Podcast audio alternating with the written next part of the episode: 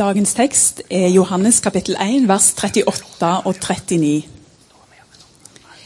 Jesus snudde seg og så at de fulgte ham, og han sa, 'Hva leter dere etter?' De svarte, 'Rabbi, hvor bor du?' Rabbi betyr lærer. 'Kom og se', sa Jesus. De gikk da med ham og så hvor han bodde, og de ble hos ham den dagen. Det var omkring den tiende time. Slik lyder Herrens ord. Hei. Jeg har lyst til å begynne å fortelle en eh, kort historie om eh, en jente som eh, jeg har valgt å kalle Fanny, siden, siden Ingrid ikke ville at vi skulle si hva hun het. nei, hun heter ikke Ingrid. men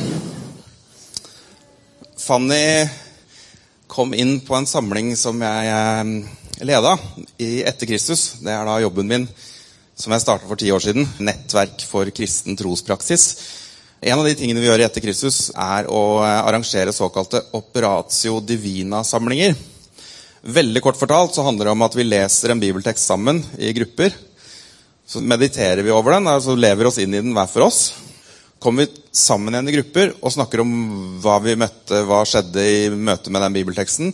Og det aller viktigste hvordan kan vi praktisk respondere på det vi har lest. Hvordan kan vi gjøre noe av det som Jesus gjorde og sa i bibelteksten? Inn på en sånn samling kom Fanny. Så leste vi bibelteksten om denne kvinnen som hadde levd et syndefullt liv, eller synderinnen, sto det i gamle dager, som kom inn og egentlig krasja dette partyet til eh, fariseeren, som hadde invitert Jesus inn på middag. Kommer inn og liksom ødelegger litt stemninga da hun begynner å sette seg ned ved der Jesus sitter eller ligger begynner å fukte føttene hans med tårene sine, salver føttene hans, tørker føttene hans med håret sitt osv. Og, og så sier Jesus til fariseeren etter hvert at dette gjorde hun fordi hun, eller hun elsket mye fordi hun hadde fått tilgitt så mye. Det hun gjorde, var takknemlighetshandlinger overfor Jesus. Og Da begynte vi å tenke på hvordan kan vi, er det noen måte vi kan begynne å øve oss eller gjøre sånne takknemlighetshandlinger og så eh, begynte vi å snakke om det, og etter hvert så begynte også Fanny å snakke. Og så begynner hun med å si Jeg må bare aller først si eh, Jeg er ikke kristen, altså. Men eh, jeg syns det her er veldig interessant og spennende. Og, ja. og så snakket hun litt videre, og så snakka vi tilbake. Og vi begynte å finne fram til at jo, jeg tror praksisen vi skal gjøre den neste måneden, for vi møtes en gang i måneden, og så møtes vi etter en måned og snakker om hvordan det har gått. Hver dag, De fleste eh, av de som var i gruppa, hadde lyst til at hver dag så skulle man knele. For det var det veldig få som hadde prøvd før. Man skulle knele. Og det er en sånn liten parentes. Å bruke kroppen mye mer er noe som er utrolig effektfullt for utviklingen av vår karakter. Ta i bruk kroppen mye mer når vi f.eks. ber. Så dette skulle vi teste ut. Vi skulle knele. Men Fanny var jo veldig usikker. 'Jeg er jo ikke kristen', sa hun denne gangen. Jeg, jeg kan jo ikke knele, jeg. Det er jo, så, det er jo så bønneaktig. Jeg kan jo ikke be hvis jeg ikke er kristen. Men øh, hva gjør jeg da? Nei, vi var litt usikre. Kanskje kunne skrive en liste over ting hun var takknemlig for. Eller bare være litt stille på slutten av kvelden, eller et eller annet sånt. Men Fanny klarte liksom ikke å slå seg helt i ro. Hun var veldig sånn fram og tilbake. skal, skal ikke. Hadde litt lyst til å teste det ut, men følte at det ble litt for bønnete. Så uansett, hun klarte ikke å bestemme seg helt. Um, og der slutter historien så langt. jeg kommer tilbake til hvordan det gikk nemlig eh, etter hvert i, løpet av talen min. Jeg hadde bare lyst til å starte med den lille cliffhangeren der. Så får dere bære over med meg at jeg, jeg, jeg lar dere være med den. For jeg må nesten skru tida tilbake til 1783 til Vincenzo Malacarn, en kirurg.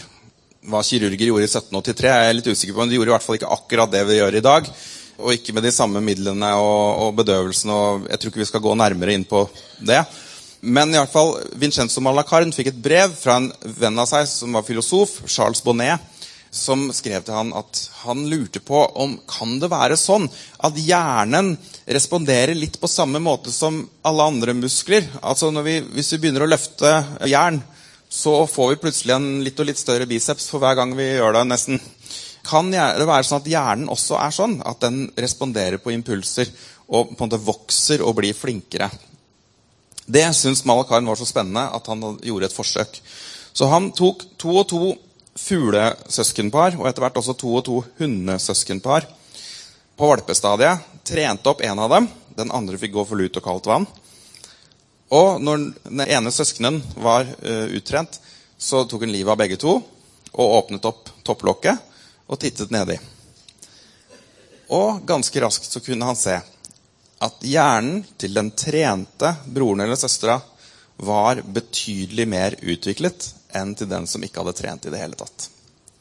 Dette ble egentlig sånn startskuddet for den hjerneforskningen som har vært helt fram til i dag. Og det tok helt av for ca. 20 år siden, 20-30 eh, år siden.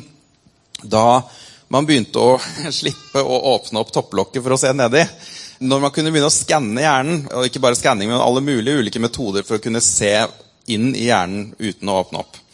Da begynte man virkelig å se hvor stor sammenheng det var mellom øvelse og hjernens utvikling.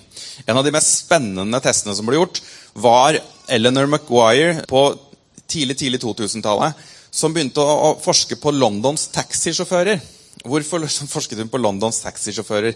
Jo, fordi man har funnet ut at vår evne til å orientere oss i terreng, altså vår indre GPS, den sitter i noe som heter sjøhesten, langt bak i hjernen.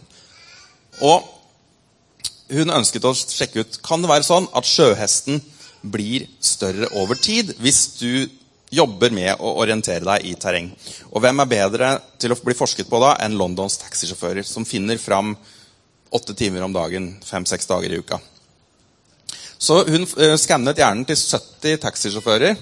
Og samtidig skannet hjernen til noen bussjåfører som ikke trenger å finne fram, men har den samme ruten hver dag.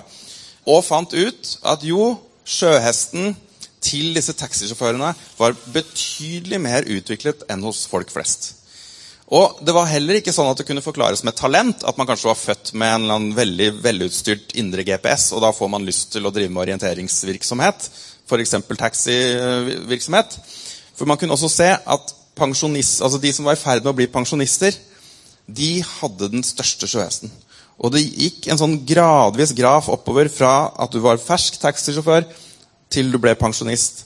Så var det altså en, en stadig utvikling av denne indre GPS-en. Og slik har man sett på alt mulig, enten du handler om å være en fiolinist eller en matematiker eller en som driver med språk, eller hva som helst, så kan du se det igjen i hjernen at trening gjør at hjernen utvikler seg, og du blir stadig flinkere. Altså, uansett hva vi gjør, enten det er gode ting eller helt vanlige ting eller dårlige ting, så blir hjernen flinkere til det du holder på med. Det er greia. Vi formes av det vi gjør. Og det er det egentlig jeg skriver om i eh, boka mi 'Kunsten å forme livet'. Og også som Erik, som jo var oppe her og hadde drama i stad. Erik og jeg har også vært med å skrive den siste boka 'Veiarbeid', hvor det som handler egentlig om veldig mye av det samme. Altså at vi blir det vi gjør. Og praksisene våre formes i enda større grad enn lesing og tenking og diskusjon. Det er jo den store brannfakkelen her. Hvis det er sånn, hvordan kan vi da tenke kirke? Så hva har det her med teksten vi leste. Teksten om to Johannes-disipler som står og prater med døperen Johannes. Og så kommer søskenbarnet til Johannes. En veldig rar tekst, syns jeg. I hvert fall en veldig rar dialog. Jesus, søskenbarnet til Johannes, kommer. Og Istedenfor å si 'Hei, Jesus', eller noe sånt, så sier han 'Se Guds lam'. Og umiddelbart så ditcher liksom Johannes-disiplene Johannes og begynner å rusle etter Jesus Eh, på veldig eh, sånn nysgjerrig, forfølgende måte. Jesus blir til slutt så brydd at han snur seg og spør hva leter dere etter. Og så svarer de han hvor bor du? Og istedenfor å svare en eller annen adresse, eller noe sånt, så sier Jesus kom og se. Veldig sjelden du har en lignende dialog i dag. Det er litt sånn god dag mann økseskaft over det i mitt hue. Men det er veldig spennende i forhold til alt dette jeg har snakket om med hjerneforskning osv. For hva har dette med hjernens formbarhet å gjøre? Jo, greia var at disiplenes tro ble til mens de gikk sammen med Jesus. Mens de hørte, og mens de praktiserte. Ifølge evangeliene så tar det flere år med vandring sammen med Jesus. før det virkelig begynner å gå opp for dem hvem Jesus egentlig er. Ja, Selv helt mot slutten av Jesu liv så sier jo Peter at nei, dette må ikke skje deg. Når Jesus snakker om at han skal dø og stå opp osv. Dette må jo ikke skje deg. Han har ikke skjønt noen ting. Og Likevel har han fått lov til å gå sammen med Jesus i mange år. Og denne mannen er også den som Jesus velger å bygge kirka si på. Så for disiplene så begynte alt egentlig med et sånt 'kom og se'. Se om jeg er hel ved eller ikke. Og så kan dere gjøre dere opp en mening om meg etter hvert. Sånn var det Jesus tilnærma seg det å hjelpe folk til tro. Pastoren og forfatteren Edin Løvaas han ville fylt 100 år i, år. Han var en mann forut for sin tid på veldig mange måter, og også på dette feltet. Allerede i sin første bok fra 1950 så skriver han at kirka trenger en tyngdeforskyvning fra prekestolen, som jeg står på nå, fra prekestolen og den offentlige møtevirksomheten og over til mer personlig arbeid og gruppearbeid, skriver han. Og noen og 20 år etterpå, i boka 'Disipler', så sier han også at vi er nødt til å gjøre ting på en litt annen måte. Og så sier han de aller første som kom til tro på Jesus, var Peter, Jakob, Johannes og de andre apostlene. Hvordan skjedde det med dem at de kom til tro? I hvert fall gikk det ikke til på den måten at Jesus satte seg ned og holdt forelesninger for dem. Han sa bare 'følg meg'. Så det å bli introdusert for kristen tro på den måten her har ikke vært så veldig inn de siste århundrene. Så lenge jeg i hvert fall har vært en sånn noenlunde bevisst kristen eh, fra 15-årsalderen oppover, så har jeg liksom vært vant til at tro det er noe som formidles via ideer, verdier, følelser, overbevisninger som man kan liksom velge å slutte seg til, eller si at dette kan jeg ikke slutte meg til. Dette kan jeg ikke tro på. Og mange velmenende kristne, meg selv inkludert, har sagt til ikke-troende som kanskje er nysgjerrig på det med tro, at det er bare å tro. Det er bare å tro. Så fikser Gud resten. Og det er jo på en måte helt sant at sånn er nåden. Det er bare å tro. Du trenger ikke å gjøre noe mer fra eller til, for Gud har gjort alt for deg. Men for veldig mange mennesker så er det ikke bare bare å bare tro. Mange mennesker sier ja, men jeg får det jo ikke til. Jeg skjønner ikke hvordan jeg skal tro. Jeg, jeg syns det er vanskelig å tro osv. Hvordan skal vi bare fortsette å si det er bare å tro, da? Jeg tenker den der, Det er bare å tro. En gang så var det det beste som kunne sies til et Europa. I hvert fall i 1517, da Martin Luther sa 'det er bare å tro'. Han sa 'det er bare å tro' til et Europa stappa med mennesker som trodde. Og som strevde med å kjenne seg gode nok for Gud. Og så sa han 'det er bare å tro'. Åh, skuldrene langt nede.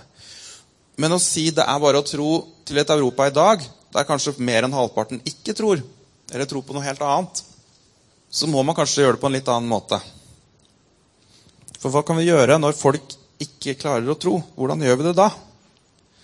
Da tenker jeg at vi kan støtte oss på nåtidens hjerneforskning. Og for så vidt eldgammel klostervisdom, som sier la oss gjøre ting sammen. La hvem som helst få bli med og gjøre ting kristne gjør. Også de som ikke tror, men er nysgjerrige. For det kommer til å forme langt mer enn formidling av informasjon og ideer. Det samme gjelder for så vidt voksne mennesker som ønsker å modnes i tro nå. Det handler om langt mer enn å lese kristne bøker og høre på masse taler. Det handler om å søke innsikt gjennom handling og erfaring. Et lite eksempel. Mor Teresa som jeg tror ikke trenger noen nærmere introduksjon. Hun ble spurt en gang hvordan kan jeg lære å elske min neste? Så svarte mor Teresa det lærer du ved å elske din neste. Skjønte dere den? Du lærer å elske de neste ved å elske de neste.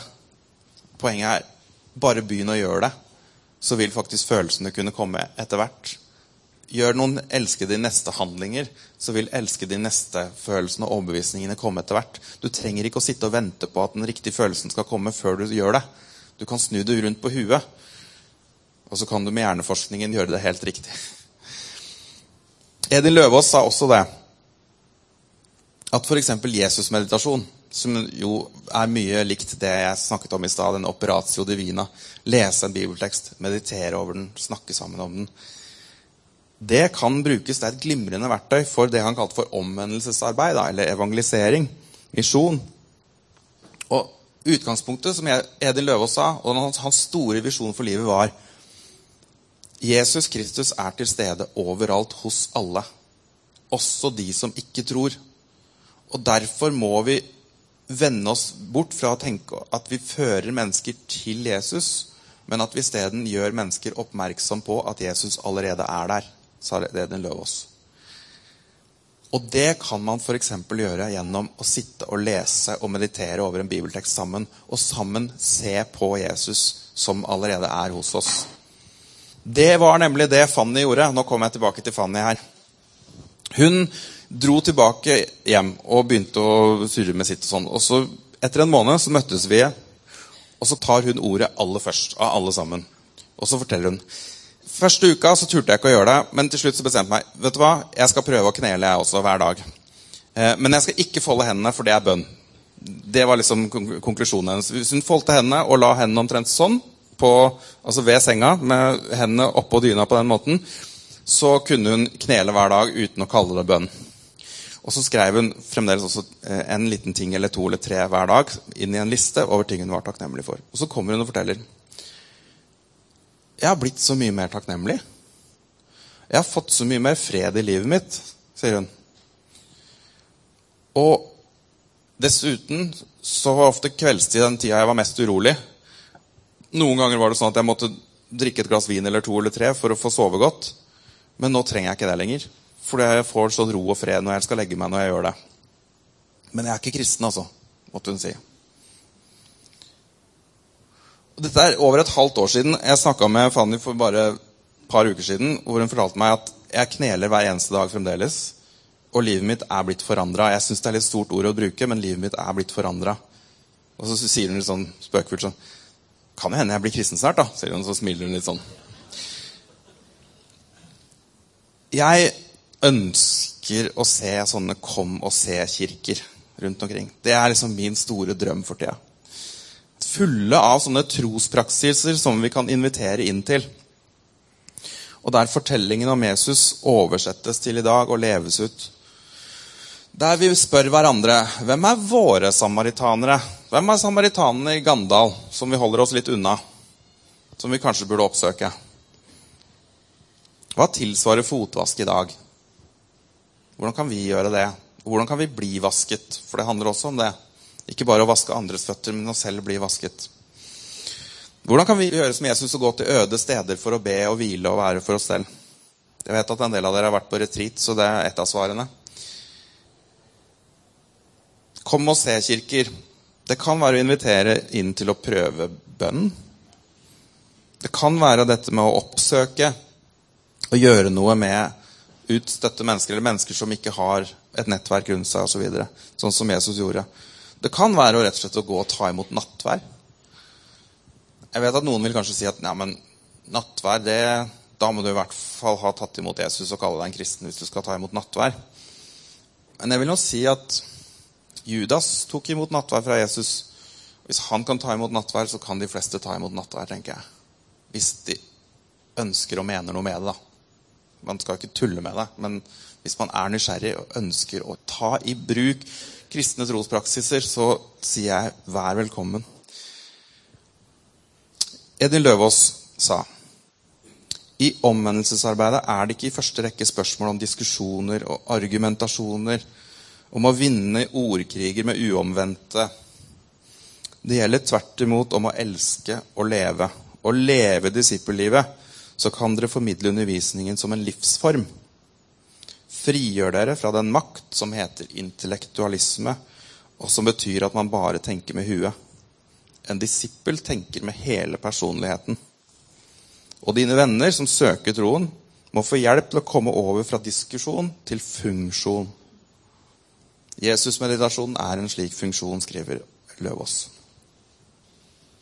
Så det å være å følge Jesus, trenger faktisk ikke å være mer enn å nysgjerrig snike seg etter på behørig avstand. Og når Jesus stopper opp, sier han aldri Tro det her først. At jeg er født av en jomfru, at jeg er en del av treenigheten og har dødd på korset for syndene dine. Og, så og når du har forstått og trodd og tilsluttet deg alt dette, da kan du følge meg. Nei, Jesus sier bare 'kom og se'. Se om jeg er hel ved eller ei, så kan du gjøre deg opp en mening etter hvert. Og disiplene fikk jo se, da. At den minste var den største. At det var synderen som angra, som var den mest rettferdige. At barn var et forbilde for tro. At fiender skulle elskes. At penger og eiendeler skulle deles.